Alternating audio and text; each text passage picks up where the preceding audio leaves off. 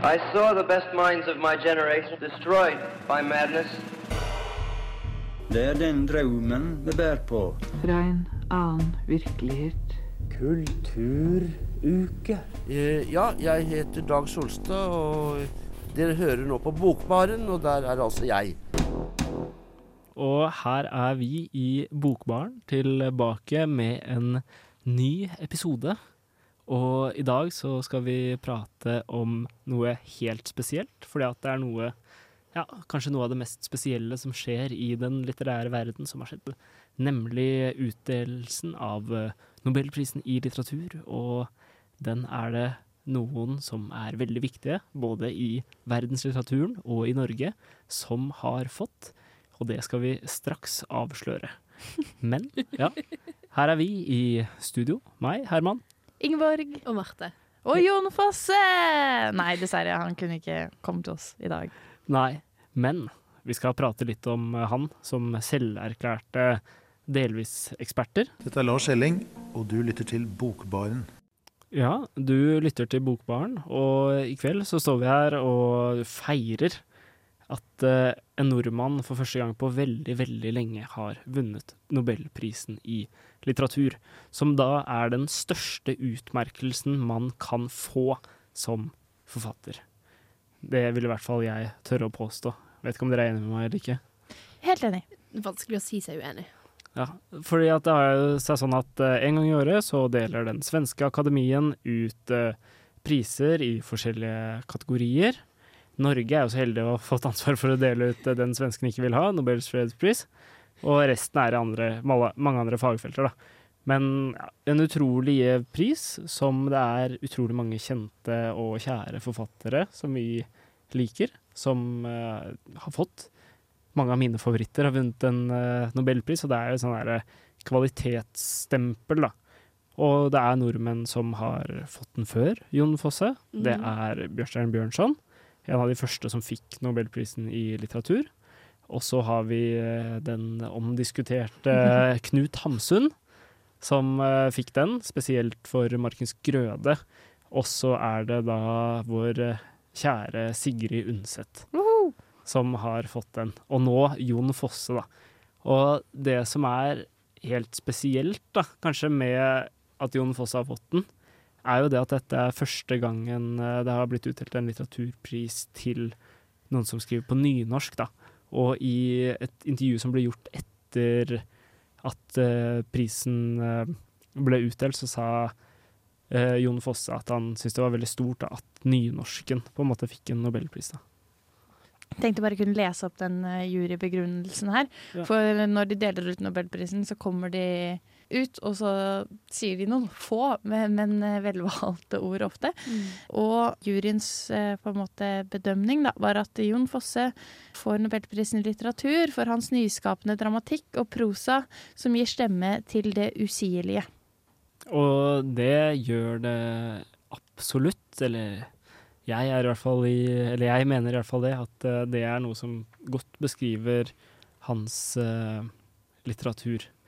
Og jeg er jo så heldig at eh, på universitetet nå, dette semesteret, så har jeg et sånn forfatterspesifikt emne som bare handler om Jon Fosse og hans eh, Ja, hans eh, drama og hans prosa. Og utrolig, utrolig flink forfatter. Så jeg syns det er veldig fortjent. da. Mm. Absolutt. Jeg, jeg, jeg er helt enig. Det, det er jo veldig gøy at det går til som sagt noen som skriver på nynorsk, men også til noen som er en såpass stor eksportvare som det Jon Fosse er eh, for Norge. da. Han har blitt oversatt til over 50 språk, eh, og han er vel den, en av de mest spilte dram nålevende dramatikerne. Ja. Mm. Eh, Jeg tror det eneste som slår han, er vel av Ibsen og han. Ja, men Ja. av- av- av norske samtid- dramatikere. Ja. Ja, Mm. og samtidsforfattere så er liksom han en av de aller, aller største i verden. da. Kjempepopulær. Mm. Så, så jeg syns det er veldig fortjent at eh, Jon Fosse får den, til tross for at det betyr at uh, min store helt, litterære forbilde. Eh, Dag Solstad eh, mest sannsynlig er ute av dansen, i hvert fall på en stund, da, kan man jo tenke seg. Ja. Mm. Du husker jeg så, um, så et intervju med Fosse på dagen, og han fikk spørsmål at ja, hvem er det du kan unne Nobelspris? Og da sa han da Dag Solstad. Så det er jo litt fint, det òg, da. Ja, det er søtt. Mm. Ja, en veldig nøktern og uh, humble, eh, i mangel på et godt norsk ord, Mm. eh, vinner, altså Jon Fosse. Han eh, hadde- tok jo og gjemte seg på, av alle steder, på Frekkhaug. Mm. Interessant valg, eh, men eh, ja, bare for å feire med nærmeste familien, da. Mm. Og han er jo en litt sånn han er en veldig privat eh, mann. Liker ikke å prate om familien sin og sånn, da. Men allikevel så er han en av våre mest hyllede forfattere. Han har jo, bor jo i statens æresbolig Mm. i Slottsparken, som heter Grotten. Og ja, han er en av de som skriver som er mest eh, verdsatt blant folket, da. Og så kan man jo liksom, når man setter det inn i en sånn verdenslitterær kontekst, med hvem som har fått eh, nobelprisen av sånn eh, forfattere som ikke er fra Norge, da, så er det jo liksom Thomas Mann, Hemingway Altså det er store navn her. Det er, det er Mm. kanon, liksom. Ja. Ja, Så Jon Fosse går jo med dette inn i kanon. Ja, absolutt. Det her er jo sånn Ja, det er jo, ja dette er liksom veien inn i kanoniseringen, og det å på en måte bli satt som stor litteratur, da, på mange måter. Det er jo også ja, mange andre sånn eh, Albert Camus har fått den, og det er jo sånn sånn Det er faktisk en morsom eh, historie, hvis jeg kan ta en liten sånn avsporing. Er jo det at Vi har jo to sånne store eksistensialistiske filosofer eller, ja, i Albert Camus og Jean-Paul Sartre. Mm. Og de er jo forbilder for mange av disse forfatterne vi liker her i Norge. Både for, ja, i hvert fall for Dag Solstad, som syns at eh, det er spennende. Men eh, ja, Albert Camus vant den før han døde, og mottok den, mens eh, Jean-Paul Sartre han sa at det var noe som hørte borgerskapet til, da, og nekta å ta imot prisen. Så han liksom, ja, han avviste Nobelkomiteen. Så det er liksom, ja. Det er faktisk ganske kult. ja. Jeg skulle ønske jeg var som mic drop, men det er jeg ikke. Nei, det Du skal ganske på en måte Du skal være ganske trygg på deg selv, tror jeg, for å si nei til Nobelkomiteen, Nobelsprisen. Det er jo en stor Eventuelt Ære. ekstremt usikker. ja. Nei, men, eh, men ja. Absolutt en eh, stor eh, ære, og bare utrolig fett at noen norske har fått den. Mm. Og kanskje en ting som gjør at nynorsken eh, Sørger for at nynorsken overlever i enda noen hundre år i norsk eh, skole. Jeg så at Norges Mållag, Noregs Mållag fikk jeg tror i hvert fall 100 nye medlemmer over helgen. Mm. Så det Ja, det er noe der. Og så var det veldig gøy, for jeg må, altså, eh, man må jo elske norsk mediedekning av at vi har vunnet eh, Nobelprisen i litteratur for første gang på 95 år. Eh, for da var det Jon Fosse-klubben em, i Strandebaum, hvor han er fra, som hadde samla seg, da, lagd et lite hjemmelagd skilt. og det var liksom fire personer som står og skåler ved sider utenfor et sånt gammelt hus, og liksom hjemmelagde skilt. Og, nei, det jeg syns det er utrolig søtt. Mm. eh, og et så godt bilde på på en måte ja, lille Norge, som får, får, får en stor utmerkelse. Ja. Og det er alltid kult når Nobelprisen havner her, og veldig godt å kunne være tidsvitne til det. Jepp, dette er Frode Grøtten. Eh, lytt på Bokbaren på Radio Revolt. Ta deg en eh, god drink. Ja, og her står vi i studio og prater om Jon Fosse, nobelprisvinner i litteratur. Han har jo vunnet mange andre priser før, da, også, da. Så han har vel vunnet Nordisk råds litteraturpris og sånn, så han er jo respektert fra før. Men dette setter vel kronen på verket, og tar han inn i det evige. Men hvem er altså denne mannen, Jon Fosse? Han er født i 1959, så han er ikke sånn altfor gammel. Noen og 60. Så ja, flott, flott alder. Han er 64 år. Eh, og fra Vestlandet. Han er eh, født i Haugesund, men han er oppvokst i Strandebarm, som er et lite sted i det som tidligere het Hordaland, men nå Vestland. Da. Så han er en sånn vest... Jeg føler, sånn, når jeg tenker på Jon Fosse, så tenker jeg liksom bare eh, Vestlandet inkarnert i et menneske. Ja, eh, og det tenker jeg på når jeg leser slash hører om, eh, ser oppsetninger av eh, litteraturen hans også. For det er mye hav og mye fjell. Ja, det er som det er Fjord, øyer. Han har en, en av de siste romanene av han som jeg leste, heter jo 'Naustet'. Og det er, ja, det er eh, mye sånn. Og han skriver, eh, skriver jo på nynorsk, da. Så ja, absolutt eh, med det. Han, er, han har studert i Bergen. Han har ja, master, eller hovedfag, da, som det het før, i litteraturvitenskap. Så han, han er absolutt en utdannet mann, da. Han har også drevet mye med sånn essaystikk, og skriver veldig sånn intellektuelt om for eksempel Ibsen og Beckett og Joyce, og opptatt av Heidegger og Adorno. Det er ja, veldig sånn filosofisk og intellektuell litteratur også. Jeg har hørt at uh, han sier i et intervju at uh, Ibsen mest sannsynlig er liksom den beste dramatikeren som noen gang har levd. Det er jo litt gøy, da. Ja, at man må Enig. ja. Og at uh, Ja. Og han, liksom, han er jo en sånn derre Ibsen-arving, da. Og på en måte er liksom nesten sånn kunst Jeg vet ikke. Jeg føler at han liksom står for mye av det vi er her i Norge på en måte Ikke, som, ikke av personlig mening, men liksom sånn som blir anerkjent og sett på som liksom stor og viktig litteratur, da, generelt i Norge. Og ja, det er liksom vanskelig vanskelig stoff, ofte litt sånn utilgjengelig, kan være i de lengre romanene. Men veldig bra. Og som vi sa i stad, så bor han jo i æresboligen. Og ja, i Oslo.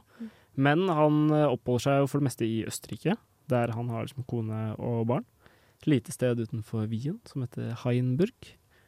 Og ja, litt i Bergen også, da. Og så er- var det veldig Det er sånn litt morsomt, da, men på et eller annet tidspunkt eh, på 2010-tallet så konverterte Jon Fosse til den katolske kirke. Og det fins et sånn eh, eh, forfatterportrett av han som man kan se på Statskanalen på NRK, der han prater veldig sånn om den veien inn i den katolske kirke, da. Og det er ganske, ganske morsomt. Og ja, ikke nok med det, han har jo et stort og langt forfatterskap med ja, både essaystikk, eh, prosa og eh, drama. Og for ikke nevne oversetting. Ja, absolutt. Jon Fosse står jo for eksempel for oversettelser av Kafka til nynorsk og Reiner Maria Rilke. Så to av mine sånne store favoritter da, har kommet i nyere norske oversettelser. da. På litt sånn Fosse-måte, da. Og det her er jo ja, også forfattere som preger forfatterskapet hans litt, men det kan vi komme tilbake til senere. Han har gitt ut uh, Han startet uh, sin forfatterkarrieren med romanen 'Raut svart', og liksom har fått uh, etablert seg fra det, da. Kjent for en annen roman som heter 'Strengd gitar', da. Og videre inn i 'Naustet', 'Morgen og kveld', og ja, nyere 'Septologien', trilogien, 'Kvitleik', som den nyeste han kom het, da. 'Melankolia 1 og 2', da. Som tar for seg veldig mye, da. Gjerne i det vestlandske. Skrevet i litt sånn tidløse og vanskelig, sånn rare miljøer, da. Som tar for seg ja, angst, kjærlighet, komplekse, komplekse greier. Mm. Ting man kanskje ikke kan sette ord på, da. Sånn som de sa i Nobelkomiteen. Mm. Og så da stykket som vi har eh, lest felles da, til i dag. Noen kommer til å komme. Mm, kanskje, han mest, kanskje en av de mest kjente tingene han har laget. Ofte på pensum. Jeg husker jeg leste det første gang på videregående. Ja, jeg var sånn Har jeg lest dette før? Det var noe veldig kjent. Og så sånn midtveis var jeg sånn Det her må jeg ha lest fra videregående. For, for plutselig så var det sånn som om jeg ja, holdt på å si visste slutten. Ikke fordi at det er en sånn veldig tydelig slutt, Mm. men eh, ja, det, ga noe gjenklang. Ja. Mm. Jeg følte litt på det samme. Jeg var litt sånn, er det fordi at det på en måte minner meg om litt sånn Samuel Beckett, eller er det fordi jeg har lest dette på videregående? Ja, og Det- er det det første dere har lest av Jan Fosse? ja, jeg tror Ja, ja, jeg har eh, sett uh, to stykker, tror jeg, oppsatt på teater, men det første jeg har lest. Ja, jeg tror- Med mindre det er det andre gang jeg leser det. da. det kan være. Mye mulig. Mm. Nei, så nei. Men det, jeg syns det er spoiler. Jeg liker det, liker det også godt, jeg. Men jeg er helt enig med Marte. Det er et uh, forelegg der. Det var jo helt sånn uh, endgame-samtale. Mhm. eh, Mm. Som uh, er kjernen da, i Noen konsept for å komme. Ja. Absolutt. 110 Bla om til neste side når du hører denne lyden.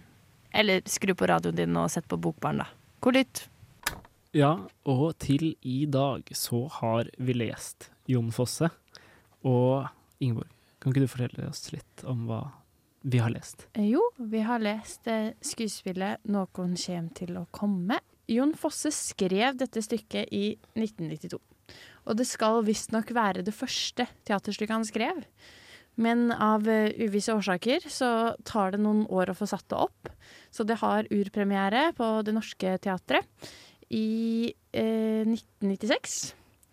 Eh, og da er det da det tredje eh, stykket som settes opp av Jon Fosse der. Um, og det, det første da var eh, Og aldri skal vi skilles i 1994, og Navnet i 1995. Eh, og eh, regissøren da, eh, av alle disse tre stykkene, Kai Johannessen, er blitt sagt til å være den som på en måte oppdaga dramatikeren Fosse. Eh, og han har faktisk regissert urpremieren, altså det vil si første gangen et stykke ble satt opp, på tolv av eh, Jon Fosse sine stykker. Mm. Eh, så de har Han har i hvert fall hatt et tett samarbeid med Jon Fosses tekst. Em, og så, samme år som det settes opp for første gang, så blir stykket utgitt på Samlaget. Og så tenkte jeg også at jeg skulle gi en kort synopsis. Eh, bare så ja, det, dere som hører på, henger med her. Men det er et eh, relativt kort stykke, og det er bare tre karakterer. Så altfor komplisert blir det ikke. For stykket det åpner med at eh, hun og han, et par i ja, 40-åra, kommer til et gammelt hus ved havet. De har kjøpt det for å bosette seg langt fra folk, eller aleine saman, som det heter i stykket, og som er en setning som blir gjentatt igjen og igjen og igjen. Eh, De har valgt å trekke seg vekk fra folk for å prøve å ja, realisere forholdet sitt, virker det som. Eh, Men kort tid etter den ankomsten så begynner de å krangle, eller være uenige. For de snakker hele tiden forbi hverandre, og det virker som de har eh, det samme ønsket, bare på forskjellige tidspunkt. Og det oppstår en konflikt som eh, intensiveres idet eh, mannen, som er en enslig eh, mann, og deres nabo kommer uanmeldt på besøk. Det viser seg at han har solgt dem det huset de bor i, og det blir en veldig stor uro mellom, mellom hun og han idet mannen dukker opp. Særlig fordi mannen, han oppfatter denne mannen som en trussel, og og antyder på en måte at eh, kvinnen eh, be, ja, føler et slags begjær mot de, de, denne nye mannen. Han eh, dukker opp eh, igjen og igjen, og er egentlig bare selskapssyk eh, og harmløs. Men denne uroen gjør at han oppleves som en stor eh, trussel. Og sånn avsluttes egentlig stykket. Mannen går hjem. Eh, det, dette paret står igjen og diskuterer, og det er en åpen slutt. Og vi vet egentlig ikke om ja, det går bra med dette forholdet, eller om det tar slutt. Mm. Mm. Ja. Og det er jo ja, Det bærer jo veldig preg av en sånn minimalisme. Og sånn som eh, vi kan høre det. Veldig enkelt.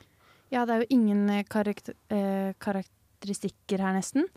Eh, vi Personene har jo ikke engang navn. Mm. Og det er så å si ingen miljø... Eller jo, det er jo en del miljøskildringer, men det er liksom ingen beskrivelser av hvordan menneskene ser ut, eller hva de har på seg, eller Mm. hva det lukter der. Mm. Ja. Det Ja, jeg vet ikke helt. Det er veldig enkelt, sånn som dere sier. Og nå vet jeg ikke helt hvor jeg er på vei. Mistet tankegangen. Nei, men, eh, men, jeg, men jeg tror det er liksom det enkle, da. For en ting jeg på en måte får ut av å lese Jon Fosse, eller en ting som ligger veldig i det å lese Jon Fosse, da, er det at uh, stemningen, på en måte, det ligger ofte veldig i det skrevne språket. Sånn måten setninger er formulert på, eller den enkle eller repetative strukturen og sånn, da, på en måte setter stemningen hos karakterene, spesielt i romanene, men allikevel, da, her også. Det blir jo på en måte veldig den dialogen som Mm. står i fokus. Eh, det er ikke eh, eh, en, Mye av oppsetningen av Jon Fosse òg reflekterer jo det her. Det er ofte veldig enkle eh, scener, eh, enkle kulisser. Mm.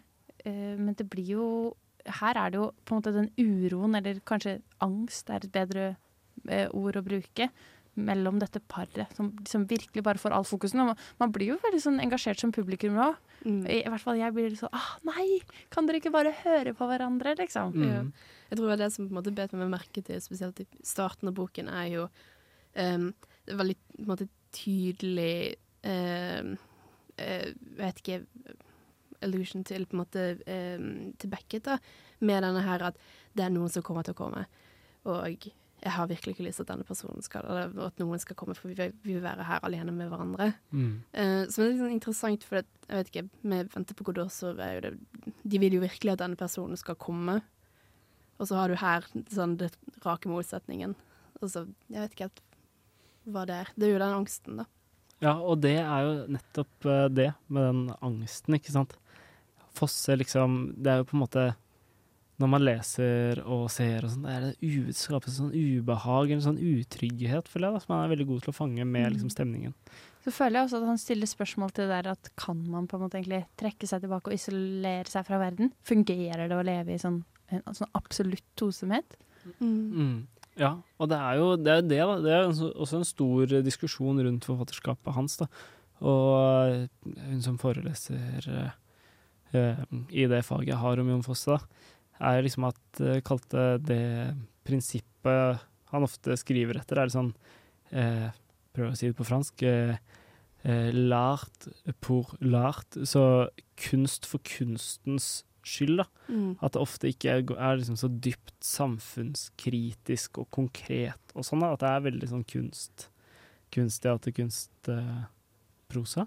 Han har vel av og til fått litt sånn kritikk for det også. At, eh, fordi du har liksom på den ene siden at mange syns Jon Foss kan være veldig tung.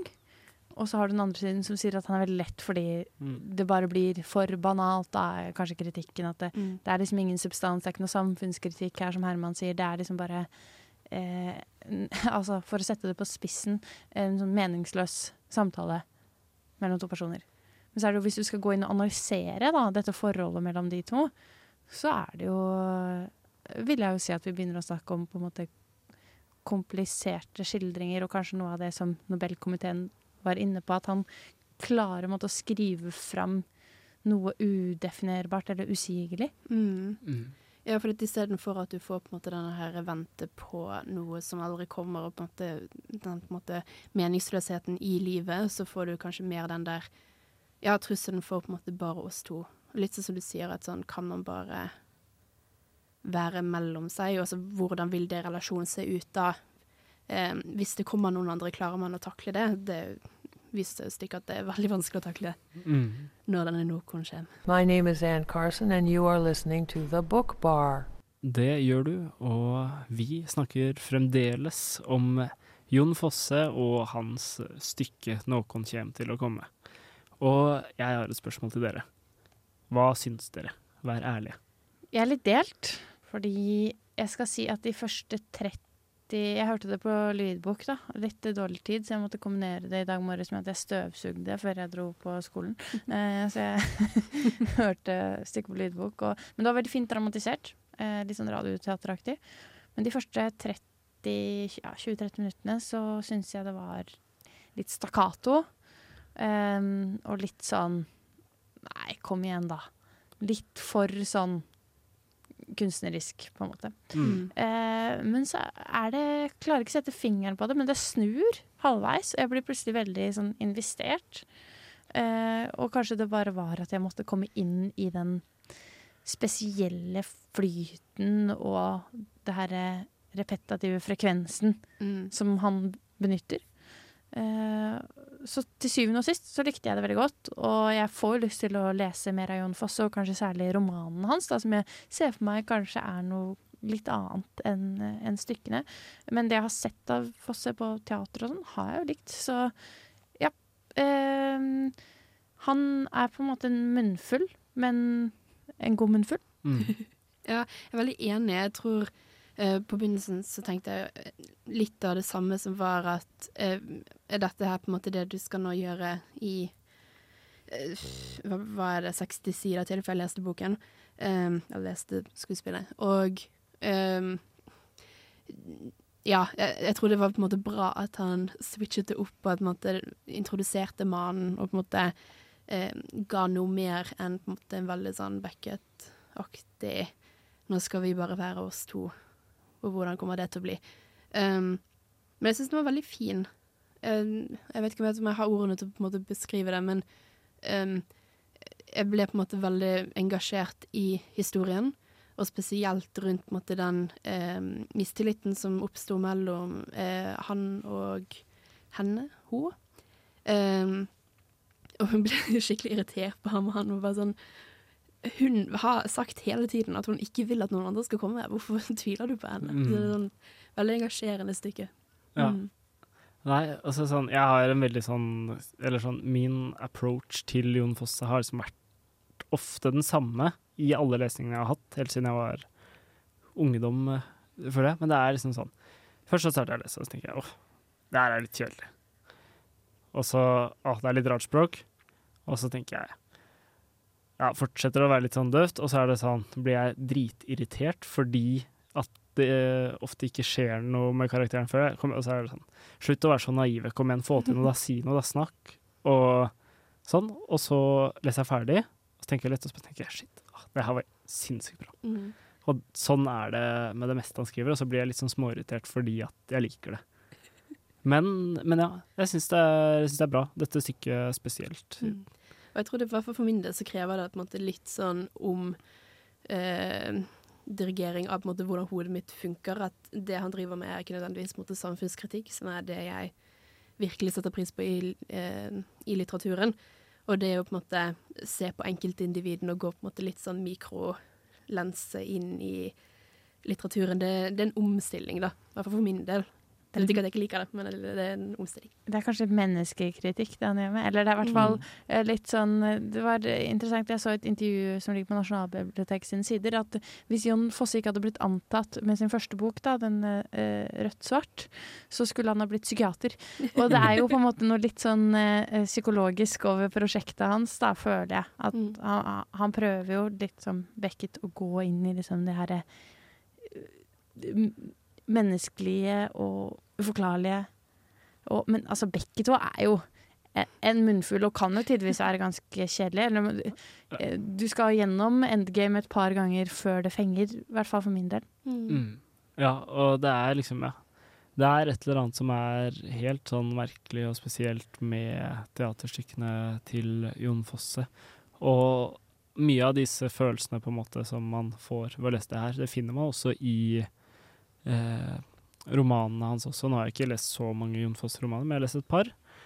Og de gir mye av det samme, da. Og i hvert fall mye av den repetative. Og så er det jo nesten sånn at det går jo egentlig kanskje ikke an å analysere et skuespill ut ifra bare å ha lest det. Mm. Altså, det er jo skrevet for scenen, alt dette her. Eh, så jeg syns også det er vanskelig å på en måte komme med en endelig dom, eller For å eh, gjøre noe som er populært om dagen, kaste terning over, over dette. For det, det, det hører hjemme i et dramatisk rom, og egentlig ikke i ja, på en måte eh, bok. Ja, kanskje spesielt i forhold til hvordan det er eh, hvordan det er skrevet òg, er at eh, jeg ser for meg at veldig mye med hvordan artikuleringen er, og hvordan de på en måte leverer replikken, at det har mye å si. At Ibsen passer seg også lese til en viss grad i bokformat, fordi at du har en historiefortelling eller fortellermåte som passer til det, men her er det på en måte Jeg tror det er riktig det du sier, at du må se det gjøres. Hvis det er mening. Mm. Ja, og så et litt sånn avsluttende spørsmål da, på denne biten. Kan dere tenke dere å lese mer Jon Fosse da, etter dette? Ja. ja. Jeg har drøm om høsten i, på vei i posten, så absolutt. Ja, for det må man gjøre, og så tar det ikke så lang tid å lese mye av det han har skrevet. Men ja. Jeg skal kjøre i gang med septologien så fort jeg har levert master, kommet meg gjennom eh, Brødrene Karamazov, Trolldomsfjellet og noe annet som står på lista. Men I will get there one day. ja.